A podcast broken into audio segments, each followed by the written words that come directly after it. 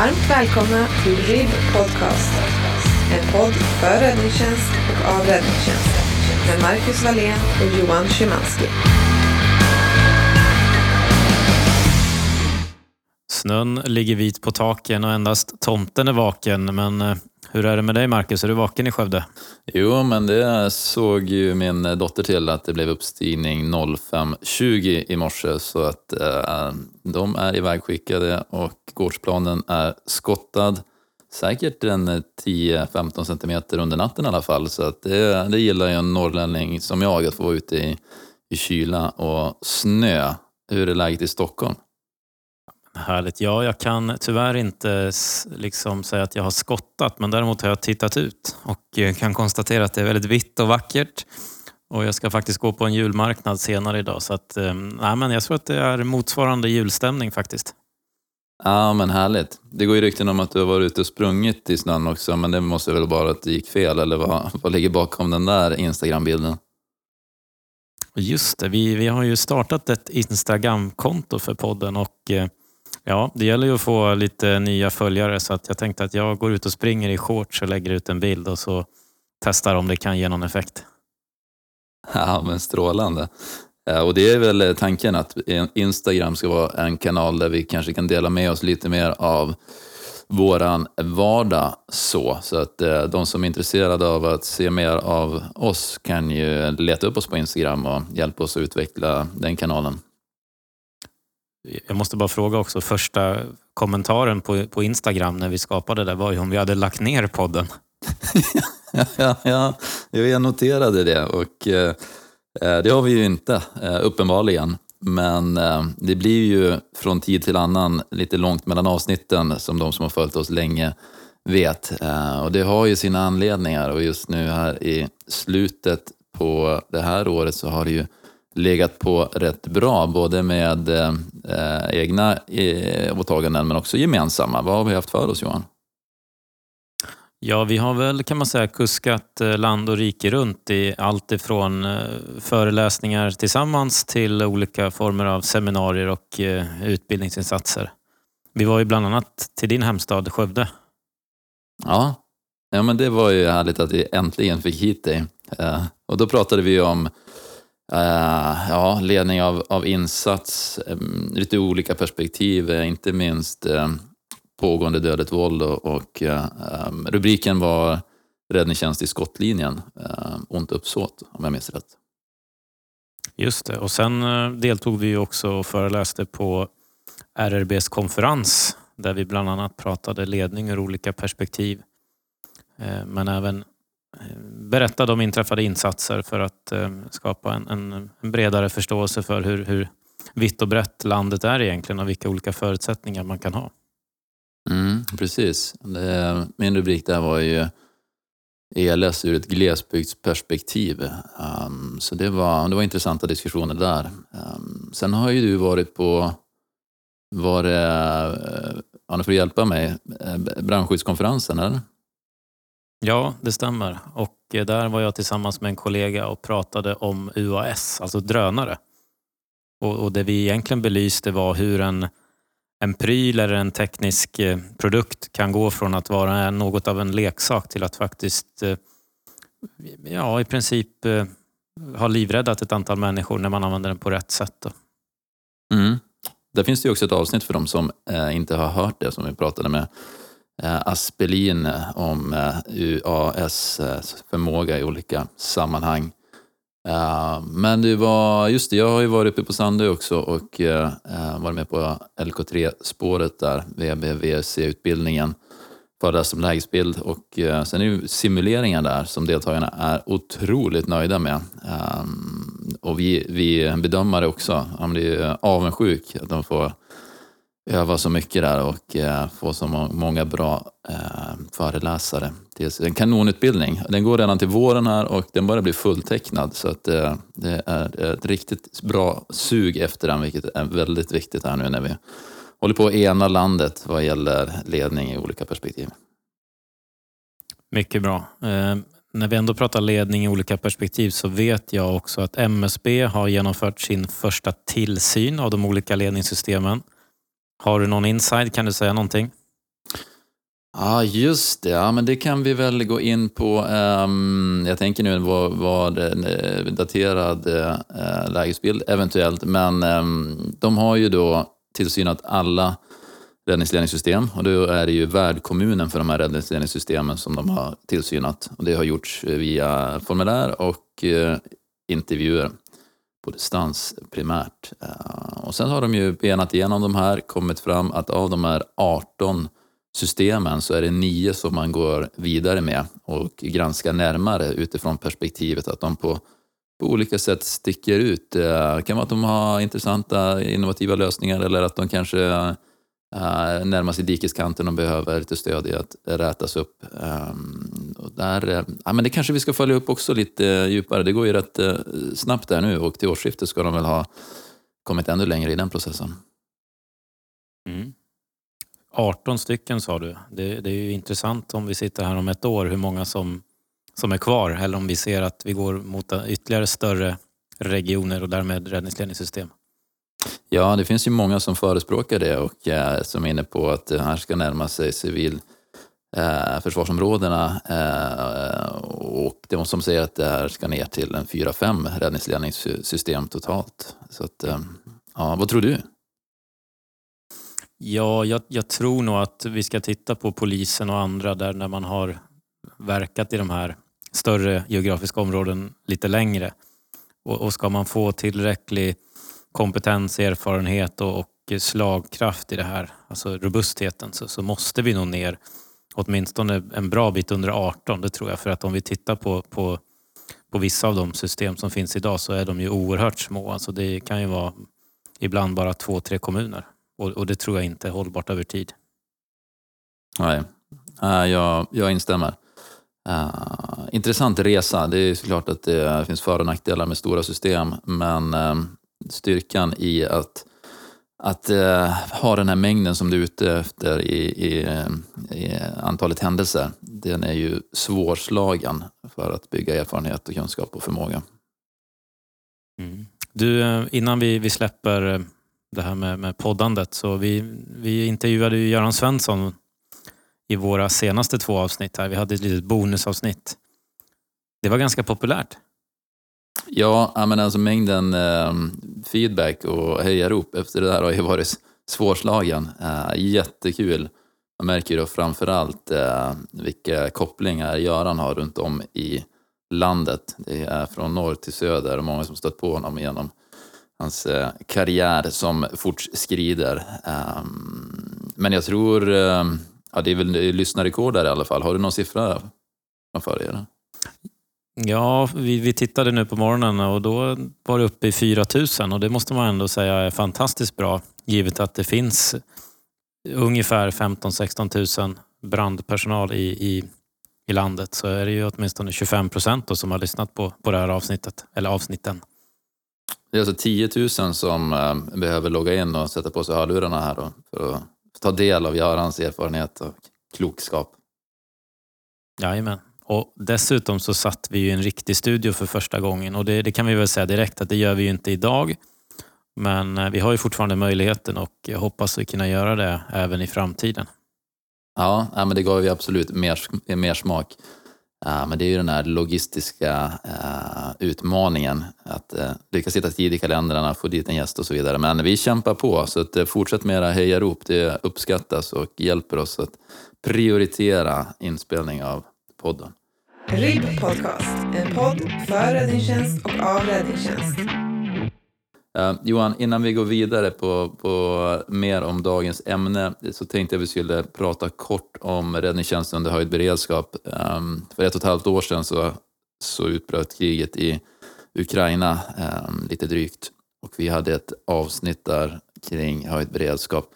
Så här ett och ett halvt år senare så uh, är ju ämnet än mer på agendan. Men eh, vad tror du? Liksom, vad ser du? Spaningen generellt, eh, rör vi oss i den hastighet eh, som vi behöver?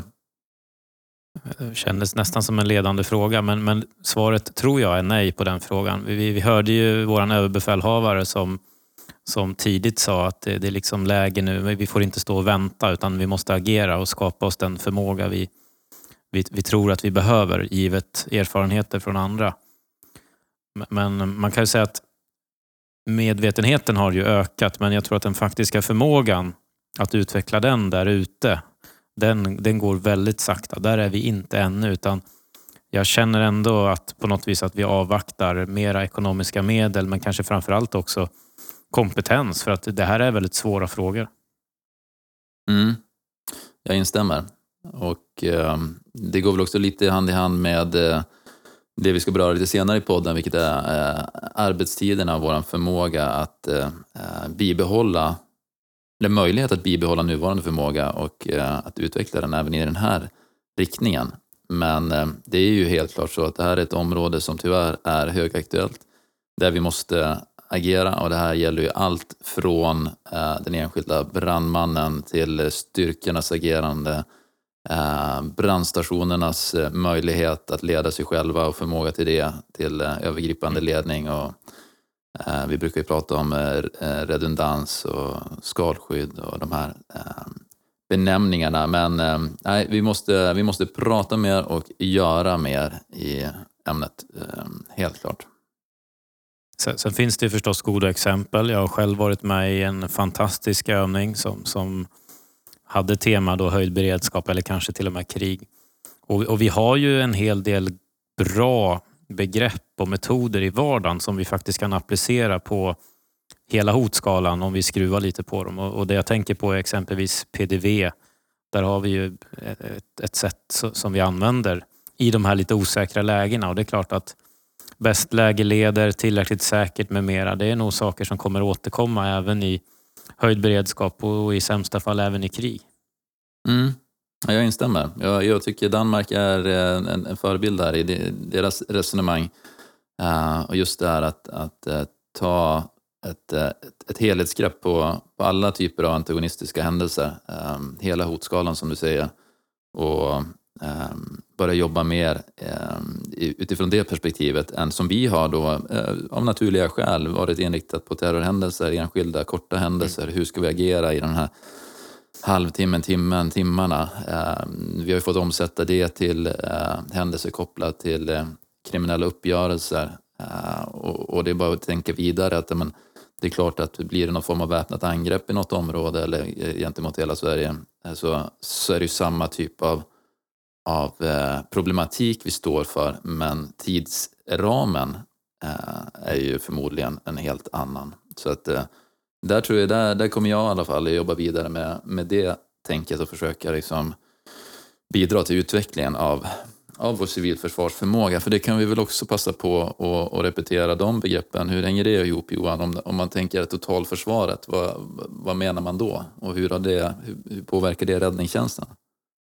Ja, om jag, om jag bara får, innan vi avslutar den andra delen där, så, så mm. en, en intressant erfarenhet från de här övningarna som vi hittills har haft, det är egentligen att skillnaden från PDV till, till när vi har höjd beredskap och, och, och kanske till och med krig, det är egentligen motståndarens förmåga och kompetens. Och, och mm. Nationella insatsstyrkan och piketen nämnde just det här att när, när man har kanske krig och en annan nation på plats så, så är det en motståndare som, som är betydligt duktigare på att agera jämfört med, med de här andra situationerna. Och det behöver vi ha med oss förstås. För vi kan inte vara lika offensiva i vårt agerande från räddningstjänstens mm. sida.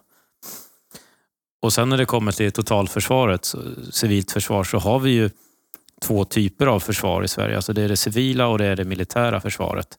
Och de här två måste naturligtvis jobba parallellt för att få ett samlat, alltså det totala försvaret. Och, och hamnar vi i en situation där vi har höjd beredskap och i sämsta fall krig så, så handlar det om att ställa om samhället så att det civila försvaret ska kunna stötta egentligen det militära. Det är ju grundförutsättningen. För att vi mm. då ska kunna ja, hålla vårt territorium helt enkelt och vår, vår suveränitet som demokrati. Precis, och då innebär det ju att samhället måste fungera äh, även om vi är i en sån situation, precis som det är i Ukraina. Um, eh, MSB har med hjälp av andra myndigheter definierat en lista av samhällskritiska verksamheter, så den, den kan man ju eh, slå en blick på och vara reflekterad för Den är ganska lång och den innefattar ju långt mer än vad man kanske tänker i, vid en första anblick. För det är ju en förskola givetvis en samhällskritisk verksamhet för barnen måste ju kunna mm. tas om hand om när, eh, som du och jag åker iväg och jobbar inom räddningstjänsten och så vidare, matförsörjning, logistik, elvärme och all, alla de där delarna.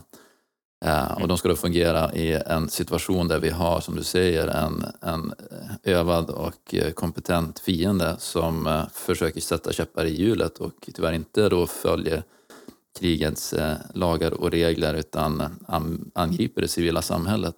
Så där finns det mycket att, att resonera kring och också då för oss att dels säkerställa att vi kan bibehålla den förmågan vi har nu och sen omhänderta de nya behoven och sen också de de tillkommande uppgifterna som vi har, eh, bland annat i termer av att eh, ta hand om oexploderad exploderad eh, eh, ammunition och eh, bistå med, med transport av civilbefolkning med mera.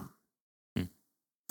Och, och, det har ju ändå, det måste man ändå säga, det är positivt. Det sker ju saker hela tiden. Bland annat nu senast här så tilldelades ju respektive län civilpliktiga eh, det börjar att skickas ut även om omfattningen är ganska liten än så länge. Plus då att respektive huvudräddningstjänst i varje län eh, tilldelas en, en, en tjänst i princip som MSB finansierar, alltså staten, för att jobba med de här frågorna och för att utveckla den förmågan som vi sitter och pratar om nu. Så att helt klart tror jag att vi kommer se en accelerering de kommande åren, kanske till och med nästa år, i, i det här.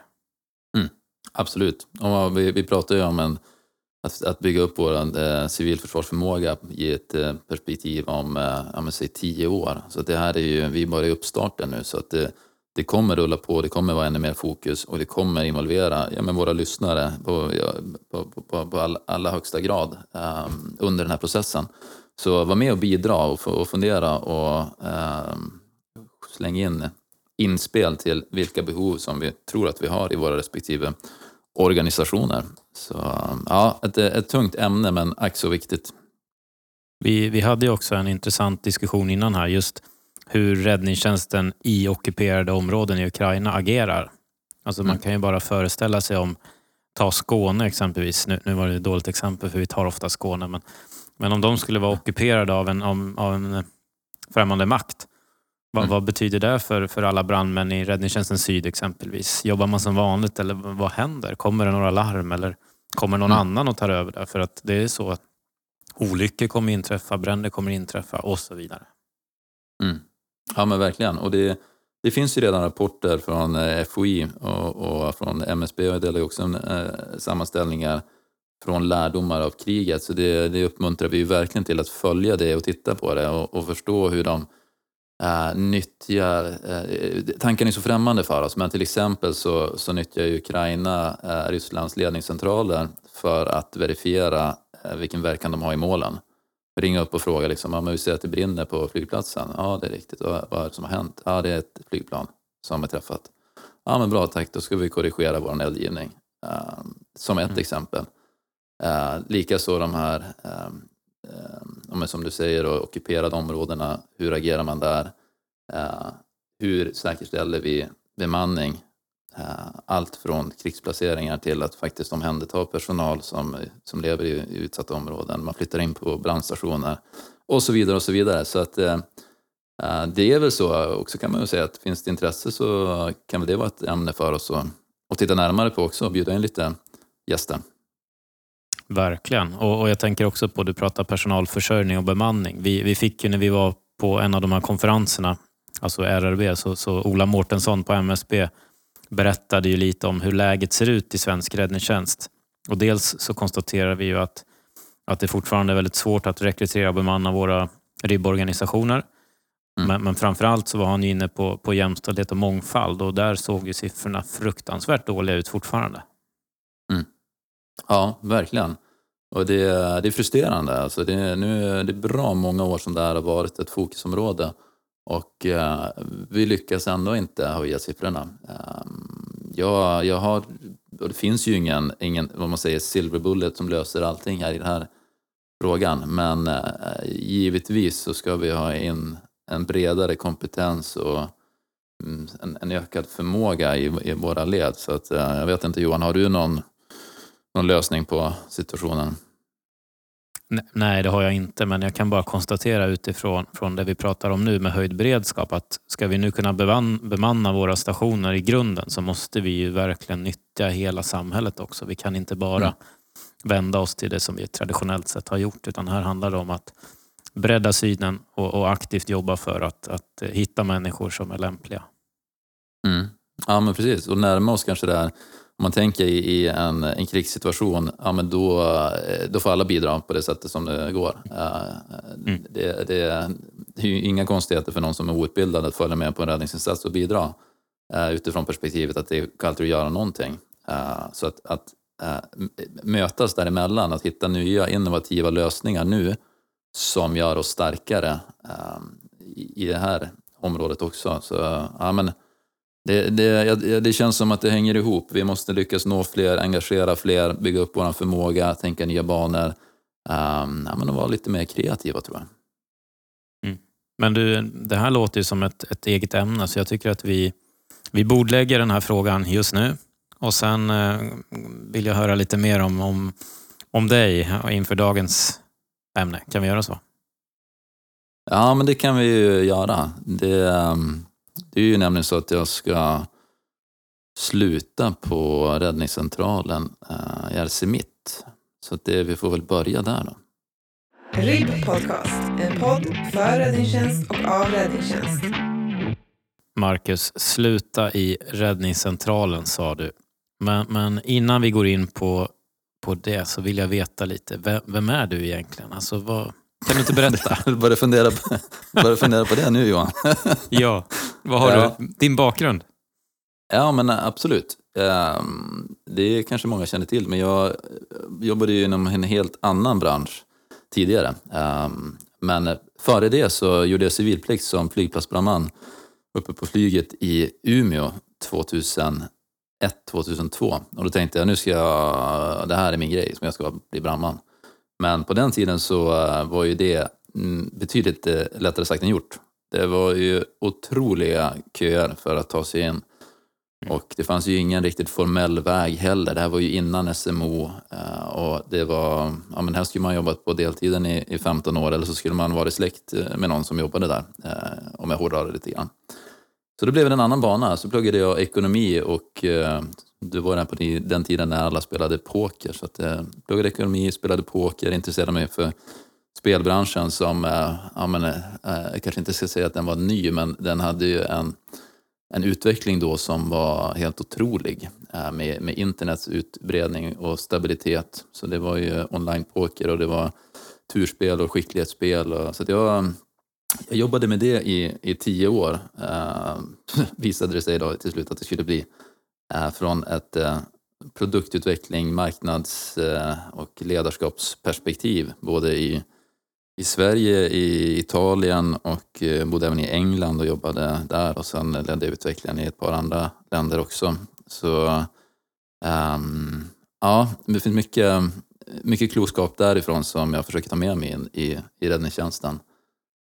Um, men då, efter de där tio åren så fick både jag och frun nog av storstäder och eh, internet eh, så att säga. Så att vi flyttade ut på landet i Norrtälje på Väddö, köpte en gård, drev bed and breakfast och eh, jag såg möjligheten att engagera mig i räddningstjänst igen. Så jag började ju på deltiden där eh, som brandman.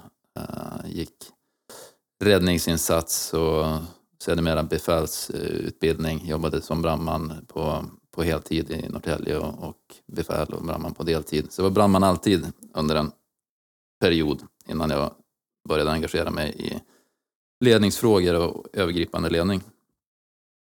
Mm. Spännande. Det är inte så som den traditionella brandmannen kanske har sin bakgrund utan man, man har börjat en gång i tidig ung ålder och sen, sen har man låtit skägget växa så att säga. Mm, ja men verkligen. Jag är ju har ju varit och är ju en udda fågel, eh, tror jag många tycker i det här sammanhanget. Eh, och, och ska jag vara helt ärlig så eh, brandman, det kanske inte var där jag var bäst, så, eh, även om jag nog skötte det jag skulle. Så jag tror jag är mer nytta nu när jag får jobba med utveckling, både lokalt och nationellt. Och inte minst driva den här viktiga podden med dig Johan.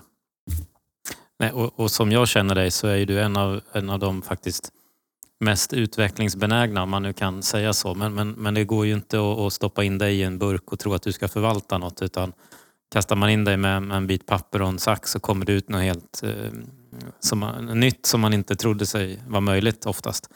Så att det är klart att du ska fortsätta med det. Men, men jag tänker att den här typen av erfarenheter är ju bland det viktigaste för våran bransch eftersom de flesta är stöpta i samma form.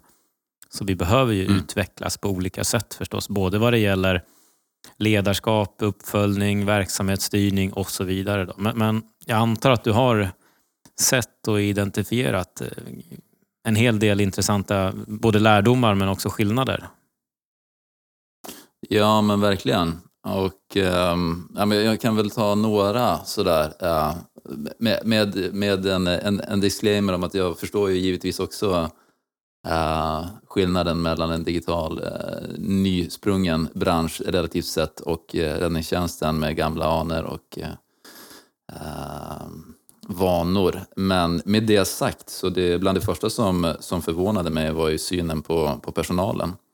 Att komma från en, en bransch där personalen är allt och ledarskapets jobb är att ge dem förutsättningar att driva utvecklingen och, och Eh, att leverera så kommer jag ju till en bransch där, ja, men om jag ska lite skämtsamt säga så, så är det vuxna eh, kapabla individer som står och väntar på att bli tilldelade detaljuppgifter i verksamheten. Eh, ja, alltså det var en sån otrolig kulturkrock. Och det här syns på många plan, alltså inte minst rekrytering. Där vi, när vi rekryterar i spelbranschen så är det personalen som rekryterar. Det är, ju, eh, det är fem intervjuer innan någon chef ens eh, är involverad i det. Eh, HR är ju såklart med då, men alltså när, när jag som var uh, hiring manager, vad heter det? Uh, ja, men, mm, chef helt enkelt, då, så, så, skulle titta på den här uh, rekryteringen första gången. Då satt jag med, med mina anställda som sa att uh, ja, men det här är bra, vi tycker vi ska gå vidare. Uh, så frågade jag vad är det som ni är mest osäkra på? Vad tycker ni mm. att jag ska ta i den här sista intervjun? Då? Där jag egentligen uh, säkerställde att det, att det är en som passar i, i i vår organisation. Och det kan jag tillägga att av de här intervjuerna så var ju två stycken korsfunktionella, alltså någon som tillhör en annan del av verksamheten som bara intervjuar utefter eh, kulturella eh, aspekter. Är det här en medarbetare som vi vill ha i vår organisation? För eh, inställning och kultur, där måste man komma med rätt värden in. Sen kan vi träna för förmåga. Så att eh, mm. där är väl eh, ja, men ett par sådana det, det är en stor skillnad, verkligen. Mm. Spännande. Det, det ger ju vissa perspektiv faktiskt. Eh, och det låter ju förstås inte konstigt heller på något vis utan snarare effektivt. Och jag antar också mm. att ni fick de kanske medarbetarna som, som var bäst lämpade att utveckla er verksamhet.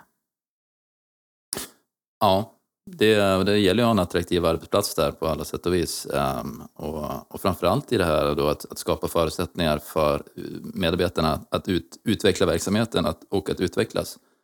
Uh, ledarskapet ska ju sätta vision, mål, riktning. Uh, mm. Sen hur det här ska omsättas och, och verkställas, det är ju medarbetarnas uppgift. Där upplever jag ofta att inom räddningstjänsten så försöker vi klura ut perfekta lösningar på kammaren i, chefsleden som sen ska i bästa fall verkställas av, av personalen. Men eh, när vi går mot den här ännu mer föränderliga världen och inte minst kopplat till räddningstjänsten, det har ju beredskap och den här hotbilden som vi ser, så är det ju helt centralt att, eh, att alla är med på tåget och att alla driver eh, verksamheten och, och känner att de har mandat att fatta beslut. Och på samma sätt som i, en, i en räddningsinsats så förväntar vi oss att eh, alla tar beslut och vi pratar om bäst lägelede och ja, men det här kanske ska också ska in i vår eh, dagliga drift. Eh, det, det, får inte ta så här lång tid. Vi måste ha snabbare feedback, vi måste lära oss snabbare, kunskapsåterföring. Alltså det, det finns så mycket här som vi skulle behöva ta i än mer. Eh, och med det sagt så funkar ju verksamheterna idag. Liksom, återigen, liksom, det, det är ju en, gäller att hitta nästa steg och påskynda utvecklingen. Eh, så där, eh, ja, men där känner jag ofta ganska stor frustration då, givet att jag kommer från en en, en, en bransch med en extrem utveckling. Så att jag, ja, jag kämpar på den. Jag vet också att du brukar prata om något som kallas för onboarding. Alltså när man har anställt någon så att de kommer igång tidigt. Och att det är ganska stor skillnad mm. också mellan ditt tidigare eh, liv och, och, och räddningstjänsten. Ja, men verkligen. Alltså så här, generellt i verksamheter så brukar man prata om att det tar tre månader för en nyanställd att eh, eh vad ska jag säga, bidra mer än den, än den kostar i termer av, av ja, tid från, från kollegor med mera. Eh, det var ju ingenting som vi hade tid med där, utan där, där gjorde vi allt för att den här medarbetaren ska bidra dag ett. Eh, och då mm. gäller det ju att man in, till, och med in, till och med innan anställningen se till att bidra med kontext i de här intervjuerna. Intervjuerna är ju första delen i onboardingen. Har du sex medarbetare som intervjuar en kandidat, då har du också sex välbekanta ansikten när den här kandidaten kommer till jobbet. Om de har hunnit förbereda och se till att det finns alla grejer, det blir som ett lagarbete att se till att den här nya, nyanställde kommer in och ja, men, både vill och har förutsättningar att bidra. Eh, jag har ju varit med om uppställningar där, man har, där, det, där det kommer någon, någon ny helt plötsligt. Ja, men det här, eh, Lisa, hon är ny i er grupp. Ingen hade någon, någon aning om det. Alltså jämför de två upplevelserna för en nyanställda. Det är ju som dag och natt. Så att, eh, ja, där finns också otroligt mycket att göra. Så onboarding är ju ett, ett, ett nyckelbegrepp och det är ju väldigt många branscher som jobbar med det. Men jag, jag har inte riktigt givetvis finns det undantag i vår bransch också. Det finns säkert de som är jättebra på det här. Alltså det, så är det ju, men eh, det finns också ut, utrymme för förbättring. Ehm, det här skulle vi kunna prata om länge om Johan, men det, det ska vi inte göra nu. Det får vi, det får vi ta någon annan gång. Ja, men innan vi lämnar det helt så tycker jag ändå att du, du har en otroligt intressant del som du pratar om ibland och det tycker jag är effektiviteten. Alltså när vi ser att medarbetarna inte håller måttet. Eh, mm. Hur man hanterar det är i den privata sektorn som du kommer ifrån kontra den mm. offentliga. Och jag, jag, jag, säger inte att vi naturligtvis ska göra så, men, men det, det, det, ger ändå lite perspektiv på, på, på hur det kan se ut. Kan du inte berätta lite? Jo, men jag tror det. Jag vet vad du fiskar efter. Men, men, och, och, vad gäller på den här fronten så kan man börja med att säga att eh, vi är hyfsat duktiga på att mäta vad man gör. Eh, så. Eh, sen är ju konsekvenserna av när man inte levererar, de, de är ju obefintliga. Men det är också viktigt hur man gör det här. Och här kommer vi tillbaka till kultur och värderingar. Att vi måste titta på vilka beteenden är det som vi vill se i vår verksamhet, i vår organisation. Vad är uppskattat vad är, vad, vad, och vad vill vi inte se? Definierar vi de här värderingarna, eh, då definierar vi också beteenden kopplade till de värderingarna. Då har vi helt plötsligt två delar att mäta på. Alltså vad man gör och hur man gör det.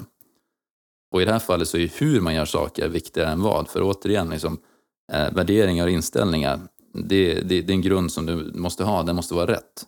Sen eh, träna för train for skill, det, det kan man alltid göra. Eh, men sen så var det så att eh, under en period när jag jobbade utomlands, för där får man ju också, eh, den svenska kulturen och arbetslivet skiljer sig ju mycket från, från, från arbetslivet utomlands på, på gott och ont. Men där hade vi som uttalad målsättning att 5% av vår personal skulle sparkas varje år. Och det kan ju låta eh, helt sjukt, men eh, resonemanget kring det är ju att om vi ska vara bäst i världen, vilket var vår uttalade mål, målsättning, så måste vi eh, anställa de som är bäst och vi måste sparka de som är sämst. Annars kommer vi lägga alldeles för mycket tid på att hantera de som är sämst på bekostnad av de som är bäst. Och det här är ju resonemang som återfinns överallt i, i samhället. Att det, eh, och såklart, som, som du säger, det, det är ju inte ett sunt synsätt. Men i dagsläget så ska jag säga att det är inte heller sunt att folk får agera precis hur som helst utan några konsekvenser. Då, eh, då underminerar det eh, organisationens trovärdighet. Varför ska vi då anstränga oss om någon annan kommer undan liksom med, med mindre? Så att, det finns mycket att göra där, men framförallt måste vi våga vara tuffare, ge feedback, vara konkret. Vi, alltså det här, skriftliga varningar, det är ett verktyg vi har. Dela ut dem. Det kan väl vara en målsättning att dela ut minst tre sådana per år. Då. Börja där. Ja, du hör ju. Nu går jag igång på den här frågan också. Ja. ja, men väldigt spännande. Jag tror att det ger många tankar och kanske aha-upplevelser. Och sen, sen får man naturligtvis översätta det här till sin egen verksamhet. Men det är klart att vi alla har någonting att utveckla. Inte minst i hur vi följer upp, hur vi mäter verksamhet, men kanske också hur vi utvecklar både ledarskapet men också medarbetarskapet så att vi, vi hela tiden blir bättre. Ja, verkligen. Och att eh, ta, ta ett steg framåt hela tiden eh, och undvika att slå undan benen för sig själv eh, som vi kanske kan ha som övergång till vårt nästa område här när vi ska prata lite arbetstider. RIB Podcast, en podd för räddningstjänst och av räddningstjänst. Ja, Johan, du fick ju igång mig där på de där ämnena. Eh, det är ju, alltså ledarskap är någonting jag verkligen brinner för. Men jag, jag ska ju svara på frågan också då, att eh, ja, det är ju så att jag har sagt upp mig och ska sluta, äh, kliver av här i början på nästa år och det har ju till stor del att göra med arbetstiderna. Men, men innan jag eh, går in på detaljer där, var, var står vi i den frågan generellt? Ja, det är, det är förstås en, en rimlig fråga och man kan väl säga så här att eh, rent eh, lagmässigt eller avtalsmässigt så har det ju inte hänt någonting förstås utan det som nu sker är att de personer som följer AB, alltså allmänna bestämmelser och det är oftast eh, kanske insatsledare, regionala insatsledare, vakthavande befäl, motsvarande. De har ju då jobbat med nya scheman och nya förutsättningar sedan 1 oktober.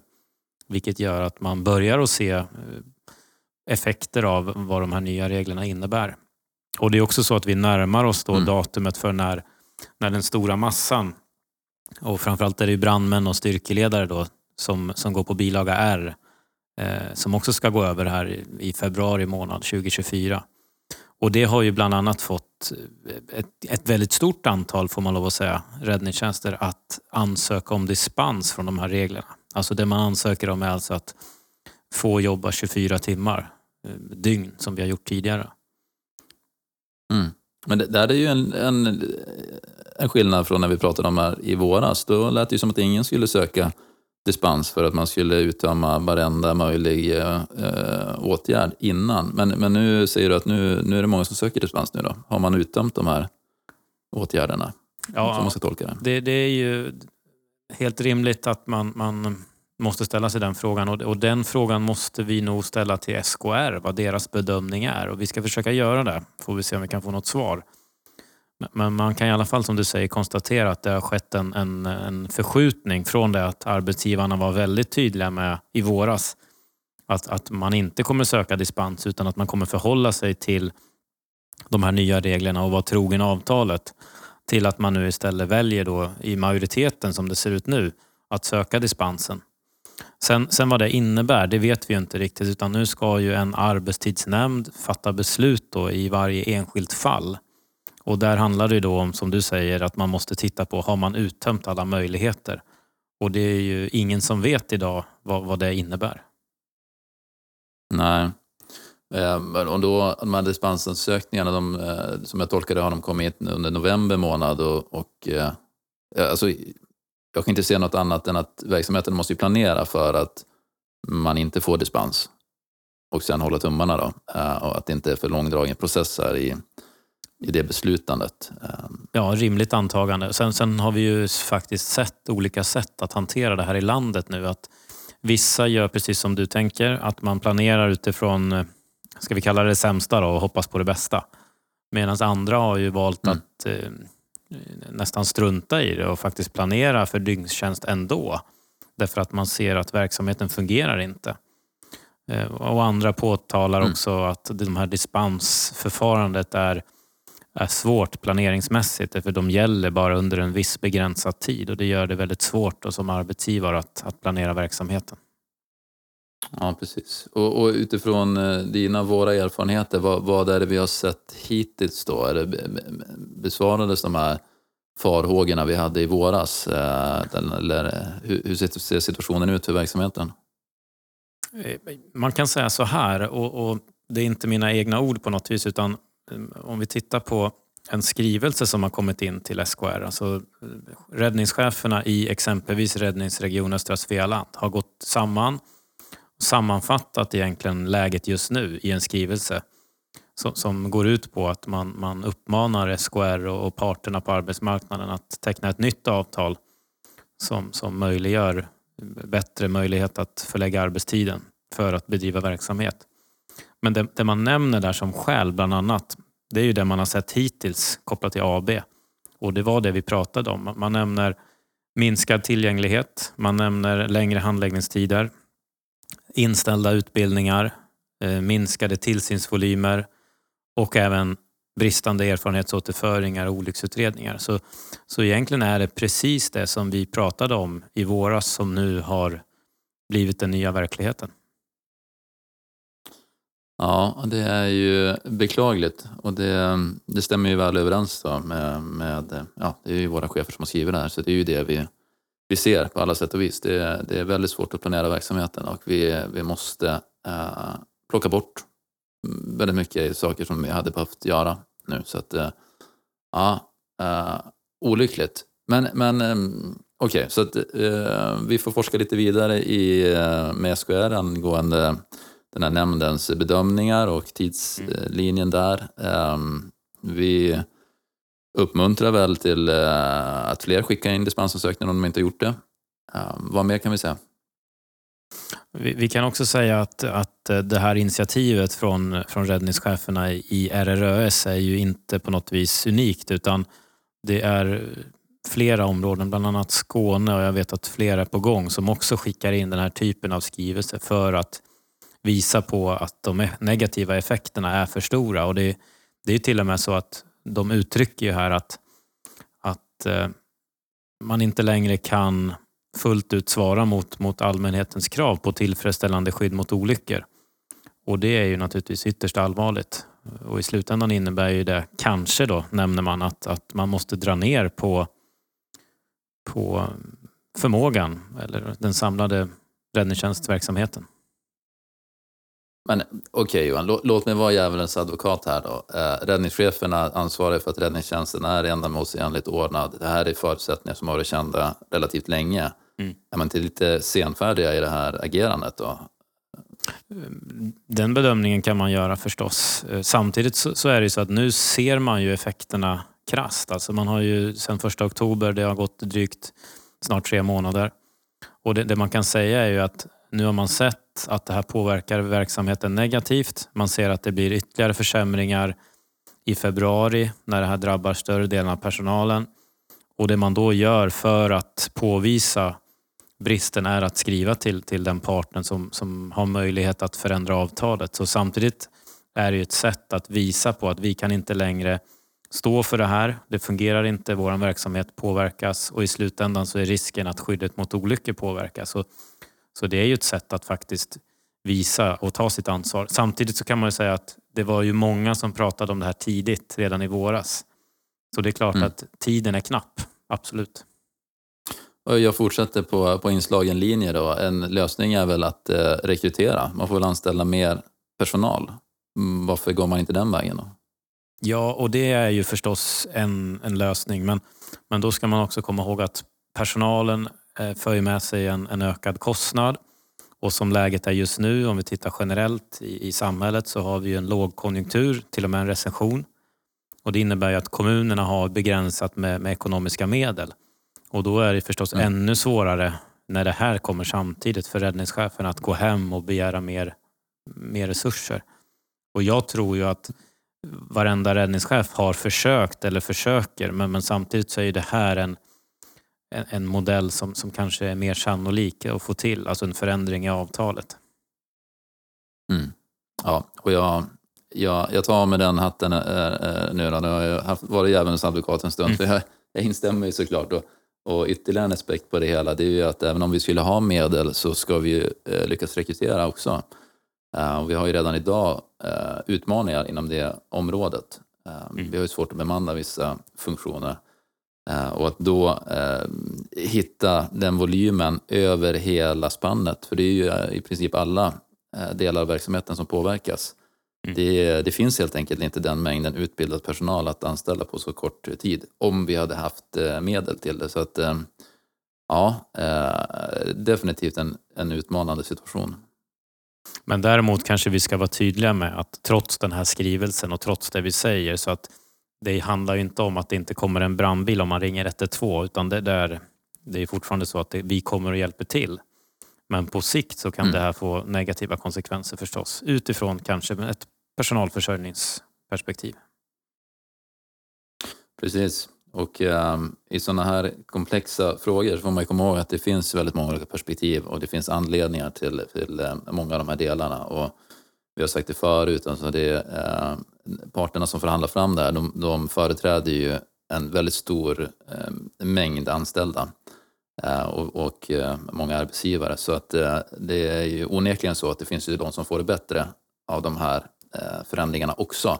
Men det vi utgår från är ju vår verksamhet. Eh, så att den, den påverkas negativt på många plan. Men vår uttryckande verksamhet, är, som du säger, vi kommer om det ringer. Absolut. Innan vi, vi slutar nu, jag ser att eh, klockan klämtar här, så, så har vi ju alla förmodligen väntat på, du, du sa ju och har sagt nu vid flera tillfällen att du kommer att sluta. Och, och det beror av, av de nya reglerna. Men, men för dig då personligen, vad, vad är det som har gjort att du har vägt de här för och nackdelarna emot och kommit fram till att det inte fungerar. Ja, men precis. Eh, och det här är ju min personliga situation då, så att det, det, det får man ju ta för vad den är. Men jag eh, bor ju väldigt långt från min arbetsplats. Jag har ju en två timmars tågresa. Eh, och det, det har fungerat med de arbetstiderna som vi har haft. Det är ju på de, de premisserna som jag tog tjänsten. Mm. Och det som det här innebär nu när vi inte får jobba lika länge, det innebär att jag måste inställa mig oftare på jobbet. Så jag måste oftare åka de här, det är två timmars tågresa, så får det lägga till tid på båda sidorna. Eh, så tur och retur så pratar vi om 6-7 timmar. Eh, det kostar givetvis både tid och pengar att åka. Så för mig som, som småbarnsförälder att eh, vara borta mer från familjen och bidra med mindre till hushållskassan Eh, det spelar ingen roll vad, vad mina arbetsgivare gör. Alltså, så länge jag måste dit flera gånger så går ekvationen inte ihop. Och, ja, men det, det, ehm, det är tråkigt eh, att det ska vara av den anledningen, men samtidigt så är ja, han, ehm, vi, vi är rätt vana för att hantera förändrade förutsättningar. Jag har ett nytt läge. Vad är mitt beslut? Ja, jag kan inte jobba kvar. Och sen får jag verkställa det och hantera konsekvenserna. Eh, så att eh, för mig, eh, jag jag har förstått det länge, men jag ville prova, jag ville försöka. Och nu två månader in så kan jag konstatera att äh, ekvationen går inte ihop. Så att, äh, där har mitt beslut. Bara en kontrollfråga. Podden, kommer du fortsätta med den? Absolut. Uh, det är väl ingen snack om. Det måste vi ju lösa. Um, så att uh, vi, vi, vi fortsätter o, med oförminskad styrka driva Sveriges största podd för eh, räddningstjänst. Eller hur Johan? Mycket bra. Och sen ser vi fram emot vad, vad framtiden ger och ett kanske intressant 2024. Möjligtvis hinner vi spela in ytterligare ett avsnitt innan nyår, men eh, vi får se. Jajamän, den som hänger med får se och då eh, hänger man med på podden på Facebook och på Instagram. Jajamän. Ja, nej, nu blir det ut och skotta lite mer snö här. Vad ska du göra för idag? Ja, jag ska gå och träna alldeles strax här och sen på någon julmarknad faktiskt. För jag tycker att eh, första december och så behöver man lite julstämning.